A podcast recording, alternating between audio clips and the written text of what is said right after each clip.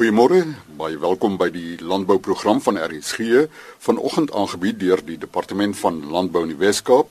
Chris Viljoen wat groet met inligting oor veld- en bergbrande, kruisteeling by die Volstruis. Dis appelkoos seisoentyd en ons gesels met die 2016 Prestige landbouwerker.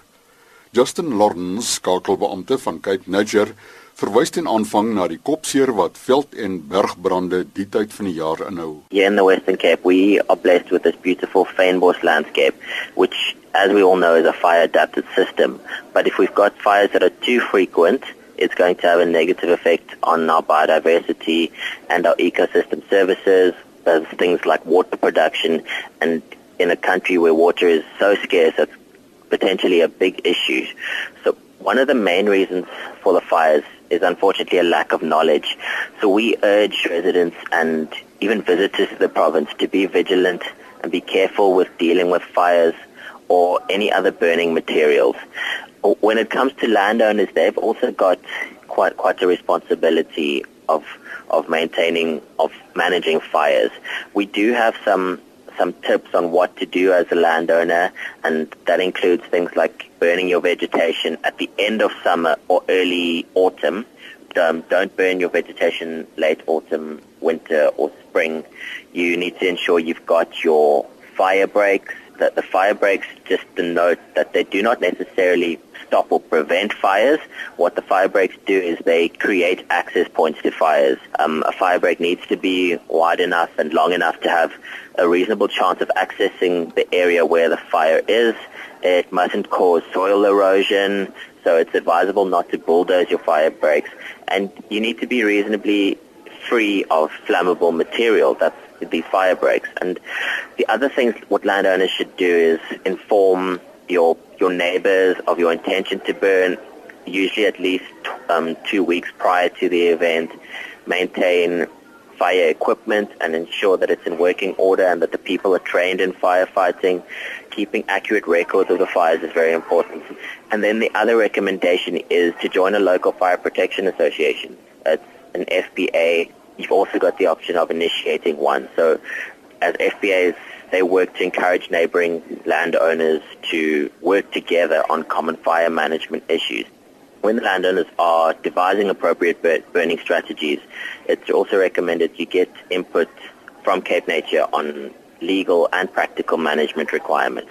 So if you are looking for more information, you are welcome to contact us on www.capenature.co.za. We've got a landowner's guide to fire management and you are also welcome to give us a call on 021 483 0000. Skakelbeampte van Cape Nature, Justin Lawrence, die telefoonnommer 021 483 0000.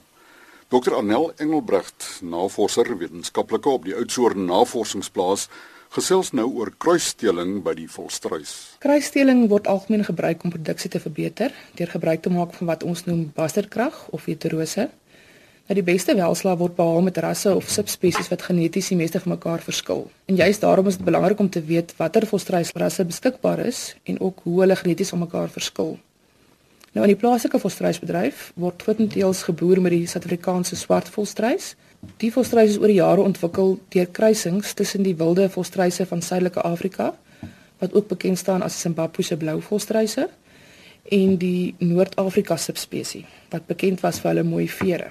Nou in 'n mindere mate word ook gebruik gemaak van die Zimbabwe se blou volstruise en dan die Keniaanse rooi volstruise wat oor die algemeen 'n groter volstruis is as die plaaslike geteelde swart volstruis. Met ander woorde die swart Suid-Afrikaanse swart volstruis en die Keniaanse rooi volstruise verskil geneties die meeste van mekaar. Omdat soos ek genoem het die plaaslike volstruis basies uit die Zimbabwe se blou volstruis geteel is. Ons evalueer al drie hierdie subspesies op die navorsingsplaas. Ons het 'n kruisteelprogram waar die plaaslike gedomestikeerde volstruise, naamlik die Suid-Afrikaanse swart volstruise, met die Zimbabwe se blou volstruise en die Keniaanse rooi volstruise onderskeidelik gekruis word. Maar ons het gevind dat die Suid-Afrikaanse swartvolstruise oor die algemeen beter oorleef as die twee suiwerrasse.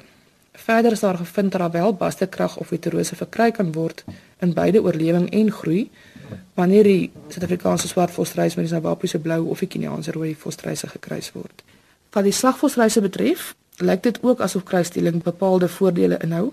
'n Groter slagvolstruis kan op 'n jonger ouderdom verkry word terwyl die velkwaliteit nie ingeboet word nie. Die grootste effek dan ook wel verkry met die kruising tussen die Suid-Afrikaanse swart en die Keniaanse rooi volstruise, soos wat ons verwag, um, weens die groter genetiese afstand tussen die twee rasse. So kruisstelling is dis 'n kommersiële opsie vir volstruisprodusente om produksie te verbeter. Die grootste uitdaging is egter die verkryging van suiwer blou of dan nou suiwer rooi volstruise, sien dat dit nie algemeen beskikbaar is nie. Laastens moet ons onthou dat dit belangrik is dat enige kruisteelprogram gestruktureerd gedoen moet word om seker te maak dat die terminale kruisings geslag word en nie meer geteel word nie want met kruisdeling is dit so dat die vordering in die eerste geslag gevind word, gemaak word en ongelukkig nie herhaalbaar is nie. Dr Anel Engelbrecht, wetenskaplike op die Oudtshoorn Navorsingsplaas, fotos van hierdie drie kleure, swart, blou en rooi volstruise is te sien op die Elsenburg se webtuiste www.elsenburg.com.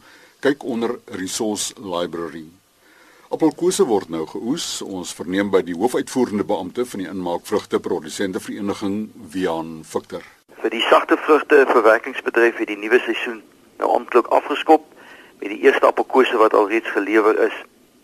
Terwyl die laaste van die kojawels van die 2016 seisoen deur die fabrieke nou verwerk word. Op hierdie stadium verwag ons dieselfde tonnemaat as vir Lydia van plus minus 30 000 ton appelkose. Dis 'n ondergemiddelde oes. Die groot rede eintlik vir die appelkose wat eh, besig is om minder te raak in Suid-Afrika is dat ons het baie appelkoosbome uitgetrek in die jaar van 2012, 2013 toe daar nie 'n mark was nie. En daarna het ons ook maar bome uitgetrek omdat daar nie gunstige omstandighede was nie. Vir hierdie jaar het die bestaande bome in moeilike weeromstandighede geblom. Die set was ietwat swakker en dat koue winde gewaai uh, tydens blomtyd wat ook dan nog gebring het dat ons nou 'n ondergemiddelde oes op hierdie stadium verwag.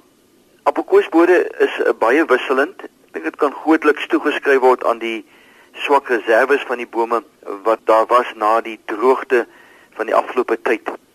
Ons vind ook uh, spesifiek dat die laer klein Karoo area Berrydale Lady Smith Calitstop dat die oeste wesentlik swakker is terwyl die hoë gedeelte van die Breerivier by Robertson Bonnieville heelwat beter oeste op die bome is. So op hierdie stadium is die watersituasie nog altyd swakker as uh, normaal en gaan die water ook grootliks bepaal hoe goed die oes gaan wees. Uh, in die markplek is die appelkose op die oomblik in 'n baie gunstige situasie. Die vraag oorskry die aanbod by verre Daar's 'n baie baie sterk vraag na ingemaakte appelkoos en veral in Duitsland. En dan is daar ook 'n sterk vraag na appelkoos puree op hierdie stadium vir die appelkoos konfyte en so meer. Uh, dit het tot gevolg dat uh, baie goeie pryse in die markplek verkry word vir appelkose en wat natuurlik weer lei na goeie pryse op plaasvlak. Die hoofuitvoerende beampte van die inmaakvrugte produsente vereniging Wian Victor Anton Alexander van die plaas Ouwerf in die omgewing van Villiersdorp is aangewys as 2016 se prestige landbouwerker.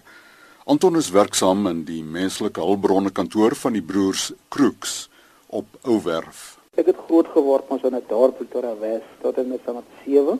Um en ek het daar is dan in 1991 het ek eers 'n keer Breere Rivier toe gekom vir seisoenwerker en in 1994 het ek dan op die plaas Dennebos as 'n seisoenwerker kom begin werk. Ek het 2 jaar daar gewerk en in 96 het ek dan oorgekom Ouwerf toe vir Kroeks Brothers te kom werk. Ehm um, en hier het ek dan begin as 'n algemene werker en later het ek ek natuurlik trekker uh, drywer geword. Later 'n spuitdrywer geword en in in die vroeë 2000 2003 het die plaas begin met die met die ABET programme deur MediaWorks.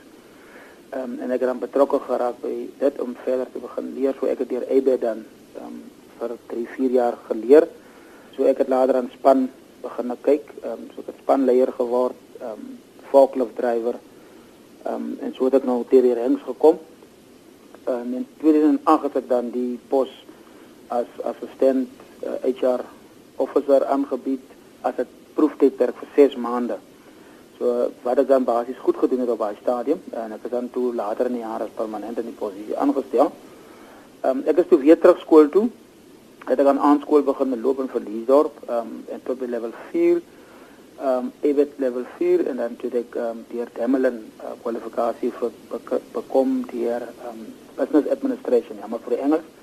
Business administration gedoen uh, wat ek verlede jaar klaar gedoen het.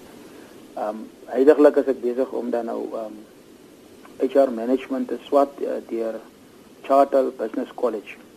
En dit's waar en dis hoe ek in die landbou beland het.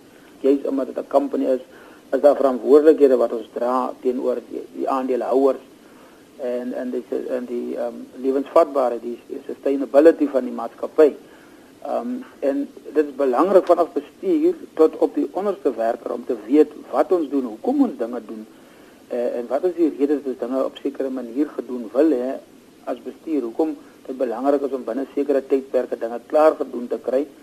En dit is nie 'n kwessie van ons jag nie net omdat ek wil hê jy moet hard werk nie, maar die rede hoekom ons verlang dat dit in die in die landbou daar's window periods, 'n vensterperiode vir alle werkers. So jy sekere tye wanneer sekere dinge moet klaar. Jy kan nie langer as dit aangaan nie. En ja, en dit dit, dit is net en ook dan op daardie te bly dit kom by uh, begrotings want vir enige werk moet daar begroot word. So uh, en jy moet binne begroting bly, binne die uh, mandaat bly. Um, en ek dink dit is baie belangrik dat almal in vanaf tot op die werker weet presies hoe belangrik sy bydrae is wat hy lewer om aan die einde van die dag die produk op die boom te kry um, dit te kry by die verbruiker en dan ook weer dan uh, die wins wat terugkom in die company om dit om dit ehm um, standhoudend of aan te kan maak. Anton, dan wil ek baie graag by jou verneem, wat is jou toekomsvisie? Ehm um, ek is een van die persone wat baie hou van van om mense te leer. So die verwyse oordrag van kennis en vaardighede verskriklik baie belangrik. Ehm um, vir al ons jong mense As ek dit so kan stel, die toetrede van ons jong mense tot die landboubedryf is nie baie goed uitdaglik nie. Want meeste van die tyd as 'n kind matriek klaar gedoen het, die eerste opsie is om in 'n koöperatiewe wêreld iewers 'n werk te kry of in die staatsdiens iewers 'n werk te gaan kry. Um en landbou is gewoonlik iets wat ons wat kinders laaste na kyk, maar my visie is om kinders te laat verstaan dat um landbou is is, is regtig waar 'n baie belangrike deel van uh, ons ekonomiese groei in die land. So uh, ons het tog ons jong mense nodig. Ons het tog kennis en vaardighede wat ons moet oordra. Ons moet tog trots uh, moet ons bou in in landbou sodat ons ons werk ons kinders kan weet dat jy kan trots wees om op die plaas te werk, om as 'n bestuurder op die plaas te werk. En en ewen in landbou, want landbou is so groot dat jy hoef nie noodwendig 'n plaas, daar soveel baie ander velde in landbou wat ondersteuning is aan die aan die aan die plaas eienaars en en die en die werkgewers maar dit is ondersteuningsbasis laboratoriums you name it daar is so 'n uh, eh, groot veld daar buite. Ehm um, en dan daai trots terug te kry in in ons jeug veral om terug te ploeg in die land en sodoende dan ehm um, want dit is ook werkskepping want ek ek ek, ek, is baie betrokke as ek sien hoeveel mense jaarliks werk gegee word op ons op die plase. So ek dink vir my is dit en dan ek wil my graag in die veld waar ek is, uh, wil ek my graag beter bekwam sodat ek meer of dit wat ek wat graag wil uitleef, beter kan uitleef en uh, op 'n beter plek as om ons mense te kan help of om ons jong mense veral te kan help. Namens al ons luisteraars van harte geluk met hierdie prestasie Anton. Baie dankie Chris. 2016 se prestige landbouwerker Anton Alexander van Ou Plaas in die distrik van Villiersdorp Nou benewens die toekenning ontvang Anton ook die volgende: 'n tablet, rekenaar, 20000 geskenkbewys van Shoprite, 'n oorseese studietoer ter waarde van R60000, R20000 van die Departement Landbou in die Wes-Kaap en hy word lid van die Wes-Kaapse Minister van Ekonomiese Aangeleenthede se Prestige Landbouwerkers Forum. In RSG Landbou môreoggend om 12:15 nooi ons jou saam na die Kaapse Weskus Biosfeer Reservaat. Ons het 'n trails projek ook waar ons staproetes doen op die Weskus en uh, ek wil graag vra dat dat dat die publiek gaan kyk daarna. Daar's uh, dis dis opwindende 2 en 'n half dag stap. Ons het drie of vier verskillende pakkette. Hulle moet asseblief daarna gaan kyk. Ek moet dit net noem ons ons ons staproetes het almal groen vlag status. En jy stap met 'n gids en ons reël alles vir jou. En die besoek môreoggend om kwart voor 12. Vir enige navrae, ons telefoonnommer 072 142 1614 072 142 1614. Chris Viljoen wat groet.